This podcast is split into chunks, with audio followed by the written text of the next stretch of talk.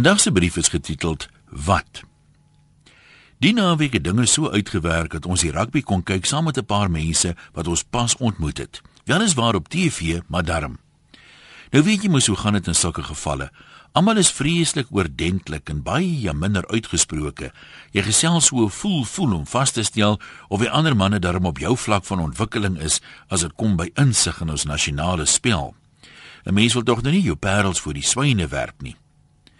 Toe die bokke opdraf, gryp een ou se vrou die mout en sit die kommentaar op Afrikaans. Ons is mos daarom almal Afrikaans. Dit pla my nie want wanneer ek Sandra aan my motor is en luister ek gereeld na RSG se Afrikaanse rugby kommentaar en ek geniet dit. Mense wat oud genoeg is, vergelyk natuurlik altyd Afrikaanse rugby kommentaar met die van Gerard Wewe. Gerard het diep spore getrap en vir baie mense was hy die eerste ou wat rugby in Afrikaans uitgesaai het. Daar was seker iemand voor Gerard, maar niemand is oud genoeg om hom te onthou nie. Ek onthou eendag 'n inbeeldprogram oor rugby kommentaar met die vraag: "Wat maak van iemand 'n goeie kommentator?" Die program het goed geïllustreer hoe inkonsekwent mense dikwels is, meestal eintlik. Hulle eerste vereiste vir 'n goeie kommentator was dat hy onbevooroordeeld moes wees. Hy moet die spel objektief beskryf soos dit voor hom afspeel. En wie is hulle gunsteling kommentator? Gerard de Villiers natuurlik. Nou kyk, objektief was ou Gerard darm nooit. Daarvoor was hy te veel van 'n patriot. In sy era het die Bokke en Pierre Fourie nooit verloor nie. Al was die telling op die tellbord soms wel teen hulle. Ek het baie lank lank Afrikaanse TV-kommentaar gehoor en nog voor die spanne opdraf onthou ek hoekom. Niks het nog gebeur nie, dan begin die kommentator al skree van opgewondenheid.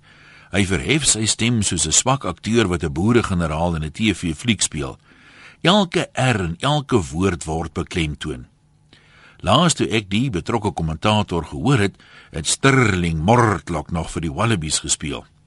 Vir die kerel is R duidelik 'n lekker letter. Toe begin een van my nuwe vriende vir die TV versigtig wonder wat die kommentator sou gedoen het as hy nie die woordjie wat kon gebruik het nie. Dis nogal 'n goeie vraag. Volgens die kommentator is dit Roan Pinaar wat die bal ingooi en Dwayne Vermeulen wat hom agter onder die voete hou. Dan is dit die skeieregter wat 'n strafskop toeken en is Morney Steyn wat vra waar die merkie is. Dis sy kaptein wat bedui dat Morney moet paal toe skop. Maar Morney stel nie die bal die bal nie. Nee, dis Morney wat die bal stel. En dan is dit hy wat vorentoe kom en wat die bal goed tref. Dis die bal wat koers vat paal toe. Dis 'n skop wat die lengte het, maar gaan hy die rigting hê? Ja, dis die bal wat inkrul en dis die bokke wat voorloop. Toe is dit een van ons manne wat hierdie mout vra.